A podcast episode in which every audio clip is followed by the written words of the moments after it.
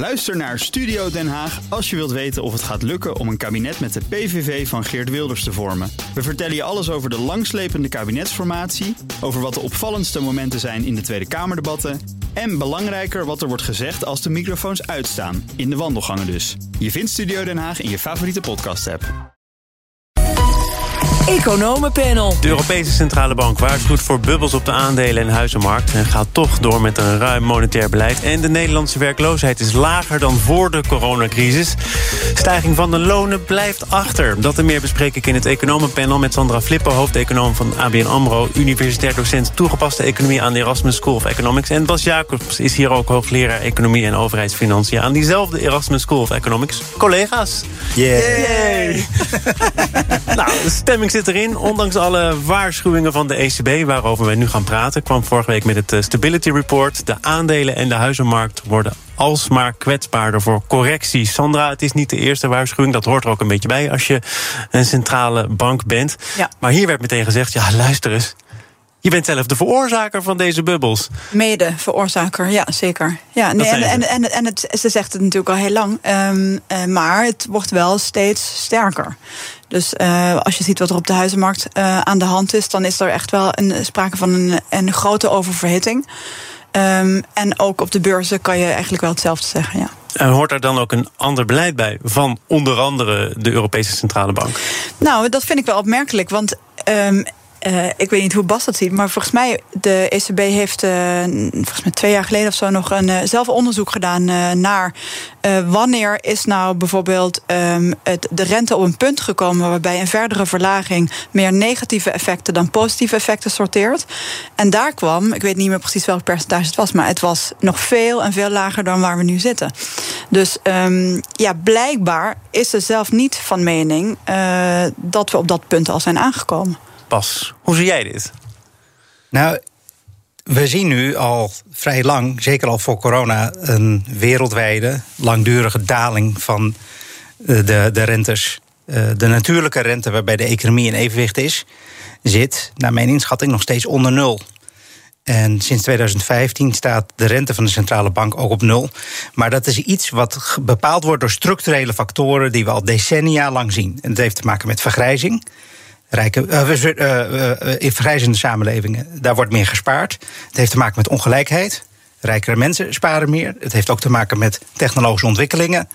Eh, moderne economieën draaien veel meer op, m, eh, op IT dan op machines en op, eh, op, eh, op gebouwen. Dus eh, je hebt ook minder van dat spaargeld nodig om te investeren.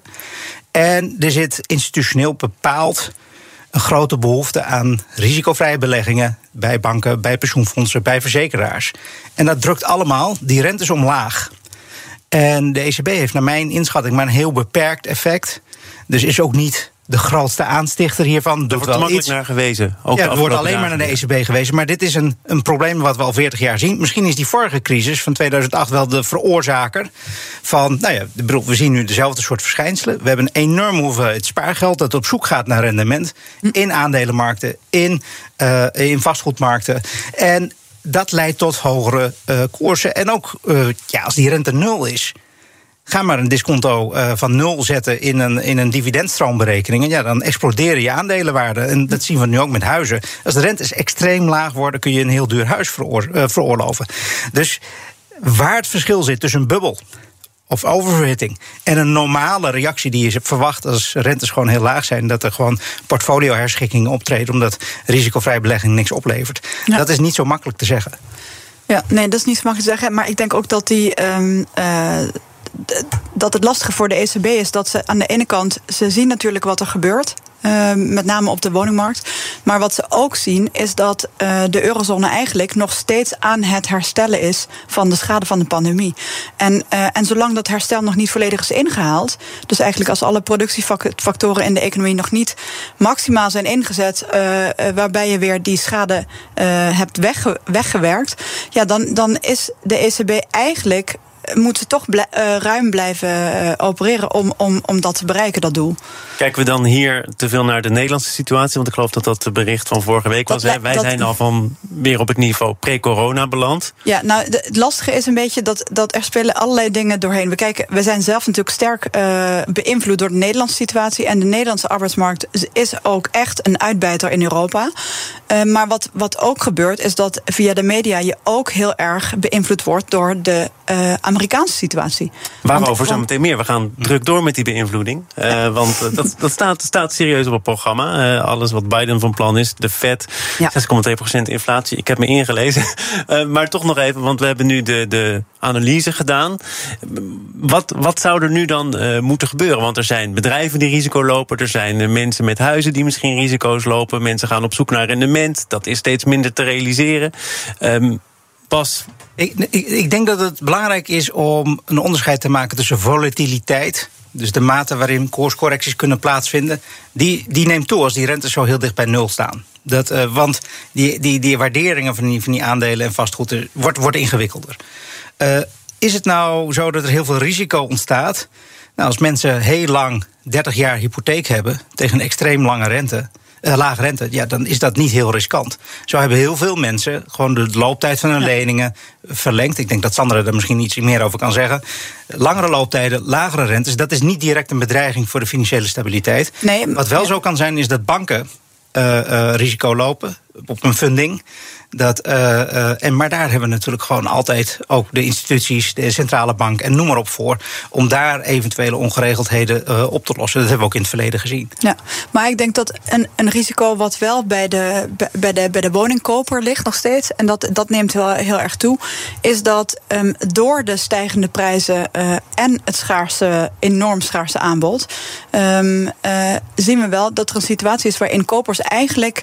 Um, zonder zich goed te vergewissen over de, over de waarde van het onderpand en de risico's die daarmee gepaard gaan, dat ze toch instappen, uh, omdat ze er anders gewoon niet tussen komen. Dus dat leidt wel tot, uh, tot nieuwe soorten risico's uh, bij huizenkopers. En, um, of bijvoorbeeld dat, dat mensen dus zich committeren aan een woning terwijl ze niet van tevoren zeker zijn nagaan of ze die hypotheek ook wel kunnen ja, krijgen. Nee, een voorbouw is behoorlijk uit de mode.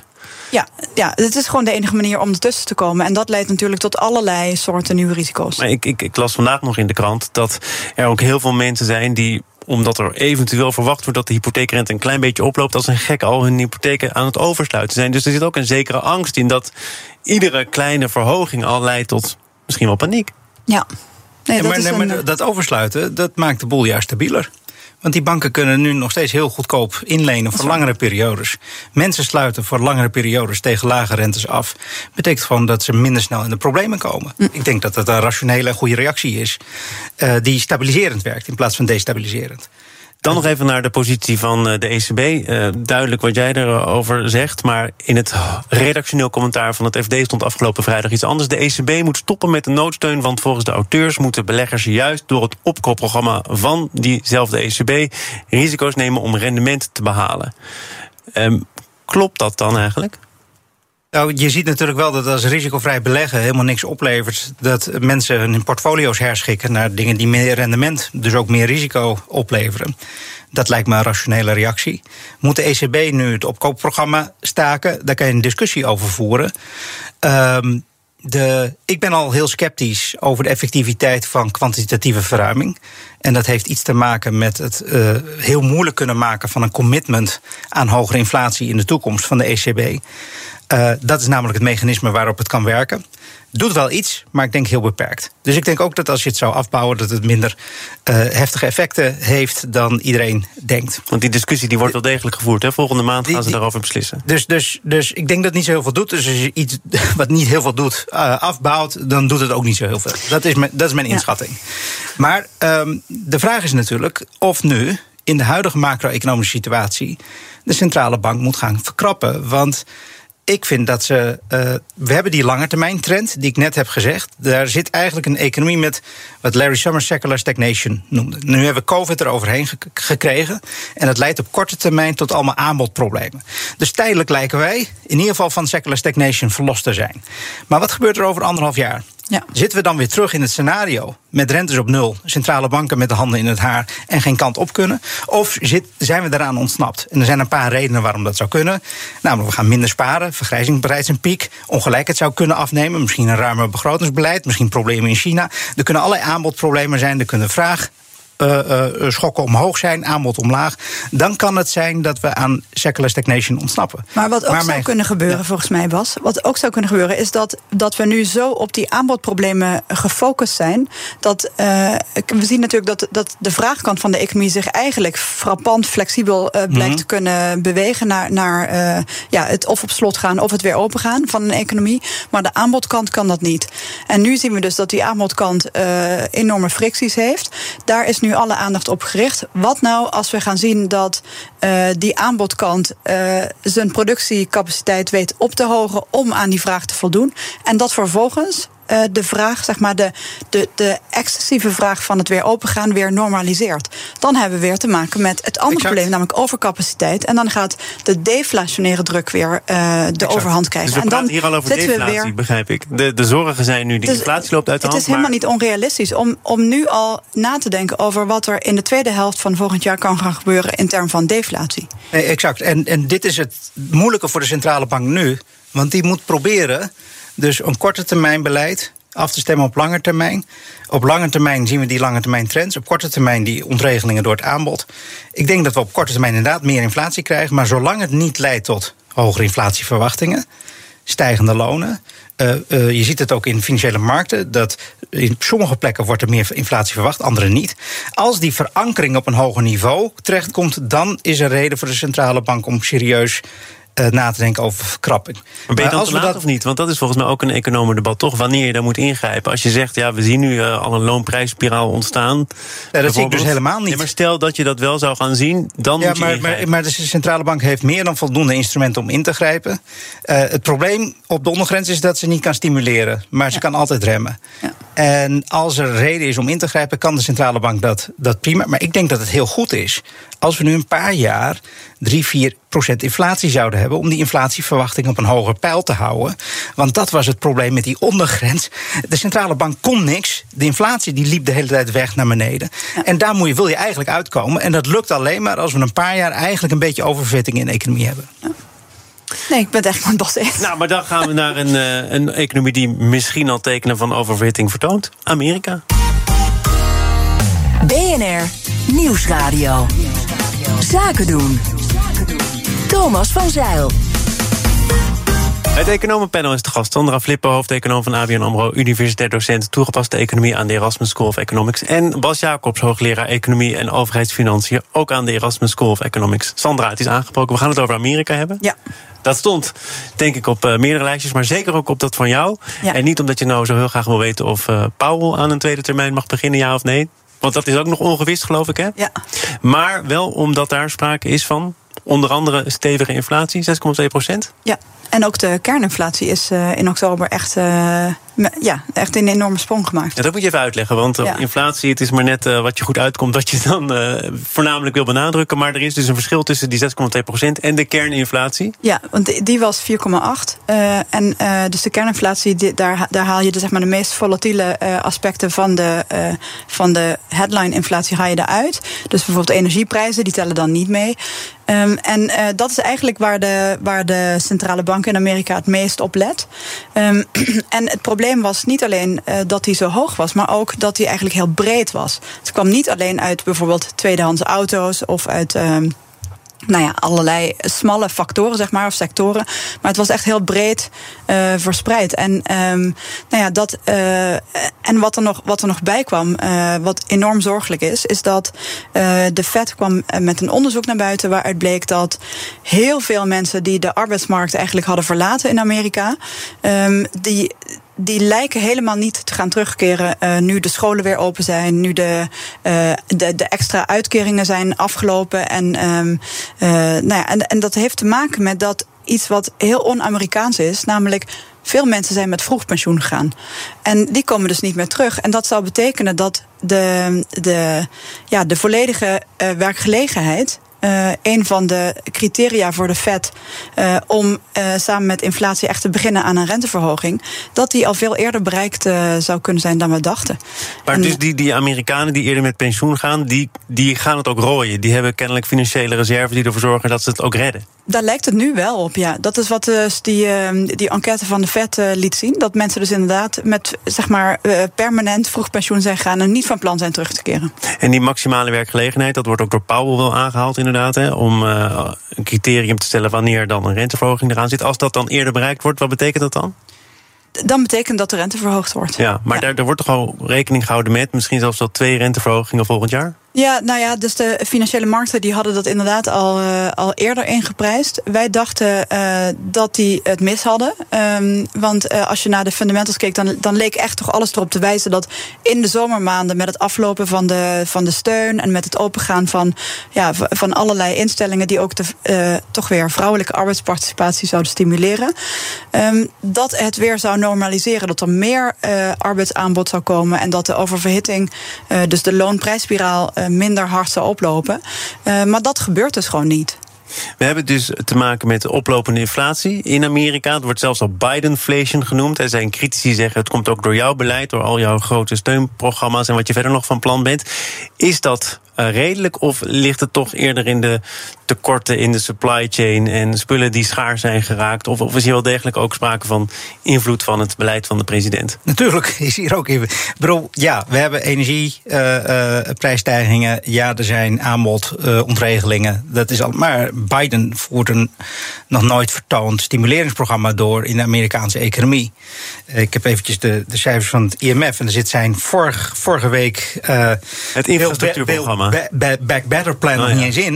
Maar het begrotingstekort was vorig jaar 15% van het BBP. Dit jaar 11% van het BBP. Volgend jaar van het, uh, naar raming van het IMF 7% van het BBP. Ik bedoel, nou, over een paar jaar is er niks meer van over. Nou, nou de, de, en daar zitten dus die nieuwe plannen nog niet eens in. En ja, Blanchard die had helemaal gelijk. Dit is niet uh, dit is, dit is brandstichting. Uh, de, uh, Blanchard was normaal gesproken een hele be, be, bedeesde, serieuze econoom. Als die dit soort woorden gaat gebruiken, dan denk je wel, er is hier iets aan de hand. Ja. En het was veel te veel, volgens de inschatting van de meeste economen, om de economie weer aan te zwengelen na corona. En ja, dat er inflatie kwam, is niet een verrassing. Uh, dat het zo hoog is, is voor mij ook niet een verrassing. Hm. Het is eigenlijk dat je zeg maar standaard macro-economische analyse gewoon werkt. Als je een enorme vraagboost geeft, dan krijg, ja. je ook, krijg je ook stijging van de inflatie. Maar misschien in verdediging van Biden, ga ik toch even een rollenspel ja. doen. Niet dat ik. De, maar als ik Biden zou zijn, dan zou ik nu zeggen. um, dat, uh, dat, dat dat hele Build Back Better programma wel probeert rekening te houden met de problematiek. Door bijvoorbeeld inderdaad in uh, infrastructuur te investeren die uh, de aanbodfricties helpen oplossen. Exact. Maar ook bijvoorbeeld door, ja, en dat is wel een beetje een gek argument, maar door in de sociale infrastructuur van Amerika, zoals childcare, te investeren. Zodat eigenlijk de, de kosten van, van die aspecten van het leven voor, voor mensen juist gedempt blijven. En daarmee probeert hij dus ook inflatie te lijf te gaan. Dus maar kost het jou nou moeite om deze argumenten te berden te brengen? Omdat je ook wel inziet dat het eigenlijk uh, in de woorden die net werden gebezigd brandstichting is? Of zit hier dan toch echt wel een goede gedachte achter? Ja, dat, nou ja, het is een, vrij, nieuwe, het is een vrij nieuwe redenering, toch? Dat, dat je via ja. um, uh, sociale infrastructuur inflatie kunt uh, beperken. Nou, de, de klassieke gedachte is natuurlijk dat je investeringen kan doen die op lange termijn het aanbod vergroten. Dus je kan onderwijsinvesteringen doen of infrastructuurinvesteringen doen. Of ja, op lange termijn. Op precies, lange termijn. Ja. Maar op korte termijn is het gewoon een bestedingsimpuls. Ja, precies. Ja. En um, ik denk dat het vooral politieke economie is. Want Biden die heeft natuurlijk die midterms. En de kans is best aanwezig dat hij zijn meerderheid verliest. Mm -hmm. En dan is het gedaan met het presidentschap van Biden. En ik denk dat hij daarom zo hard erin is gegaan. Direct bij zijn aantreden. Zulke enorme programma's in de stijgers heeft gezet. Om die Amerikanen ervan te overtuigen dat het ertoe doet dat hij daar zit. Dit was een beetje de fout die Obama maakte. En die verloor toen de meerderheid in beide huizen. En uh, uh, kon niks meer gedaan krijgen, halverwege zijn ter termijn. Ja. En het rare is nu dat de meeste Amerikanen... die lijken nu te geloven dat het slechter gaat in Amerika. Volgens een Gallup-poll in oktober gelooft 68% van de Amerikanen dat het nu slechter gaat dan een aantal maanden geleden. Maar kan dat ook omdat ze denken dat en hun koopkracht wordt uitgehold? Ze kijken naar die inflatie, maar ze kijken niet naar die enorme checks die Biden heeft overgemaakt. Ze kijken niet naar die enorme programma's die de overheid in, in de stijgers heeft gezet. Ze kijken niet naar alle andere dingen. Nee, ze, ze kijken alleen naar de benzinepomp, bij wijze van spreken. Maar nou is het wel en daar is natuurlijk een reëel probleem. Maar het klotst bij, bij veel Amerikanen toch een beetje tegen het plint. En dat zien ze niet. Maar ter verdediging van die Amerikanen, het is wel zo dat, dat daar waar de, de, zeg maar de extra besparingen zitten, dat is toch vooral bij de hogere en middeninkomens. Mhm. Terwijl die checks die zijn vooral naar de 75.000 eh, dollar per jaar en lager gaan, dus zeg maar de lagere middeninkomens. En daar laten enquêtes zien dat een, een groot deel van dat geld is toch ook gewoon opgegaan aan bestaande schulden, huurachterstanden en dat soort dingen. Dus of, of die groep die nu klaagt, zeg maar. Um, echt uh, zich nog herinnert, zeg maar, dat hij met die checks vooral een schuld heeft afbetaald. Omdat hij niet meer echt extra besparingen op zijn rekening heeft staan. Dat kan ik me ergens wel voorstellen. Ja, kijk, eh, uiteindelijk gaat. Eh, hier heb ik ook niet zoveel verstand van. Maar het gaat hier over de psychologie van economische politiek. En uh, ik vind het heel raar dat mensen duizenden eh, dollars krijgen overgemaakt van de staat. en dan nog steeds geloven dat het heel erg slecht gaat. Ik bedoel, daar zit een, er stond een heel interessant artikel in de New York Times precies hierover. Er zit een enorme disconnect tussen mensen, hoe ze naar de economie kijken en wat er feitelijk gebeurt. De werkloosheid gaat omlaag, de lonen die gaan omhoog. Heeft ook weer te maken met die inflatie. Maar uh, uh, het is zonder meer veel beter aan het gaan met heel veel Amerikanen. En, en je ziet in hun waarderingen van het economisch klimaat dat het hard achteruit gaat. Ja, maar en daar zit een disconnect. Nou, ik, ik, zou dat, ik, zou, ik zou het niet zo snel de schuld bij de Amerikanen eh, leggen die, die, die, die tot die conclusie komen. Want uh, als je in die lagere middeninkomens zit en je hebt uh, die checks gebruikt om, om schulden af te lossen. Um, en, uh, en, en je bent nu in een. Ja, je bent nu in een situatie waarin je die prijsstijgingen ziet. En dus bijvoorbeeld die Amerikanen geven aan: is this a good time to buy? uh, X, Y, Z. En dan, uh, dan is dan eigenlijk op al die duurzame consumptiegoederen een hele slecht moment om te kopen. Um, ja, en dan denk ik wel dat. En daarbij de lagere uh, inkomens, die gebruiken disproportioneel veel van hun bestedingen voor fossiele producten. Dus inderdaad, die staan het meest aan de pomp. Ja, dan denk ik dat dat is hun wereld. En vanuit hun wereld is hun gedachte niet zo gek. We moeten het hierbij laten. Sandra Flip heeft alle mogelijke rollen op zich uh, genomen. Van Amerikanen tot de president van al die Amerikanen. Hier was het allemaal. Sandra Flip, hoofdeconoom van ABN AMRO... universitair docent toegepaste economie aan de Erasmus School of Economics. En haar collega Bas Jacobs, hoogleraar economie en overheidsfinanciën... aan diezelfde Erasmus School of Economics. Over fossiel gesproken. Zometeen dan is bestuursvoorzitter van het ABP, Corine Wortman, te gast... om tekst en uitleg te geven over het feit dat het ABP niet meer belegt in fossiele bedrijven. Bij BNR ben je altijd als eerste op de hoogte van het laatste nieuws. Luister dagelijks live via internet. Bas van Werven. En heel langzaam komt de zon op rond dit tijdstip. Je krijgt inzicht in de dag die komt op BNR, het Binnenhof in Nederland en de rest van de wereld. De Ochtendspits. Voor de beste start van je werkdag. Blijf scherp en mis niets.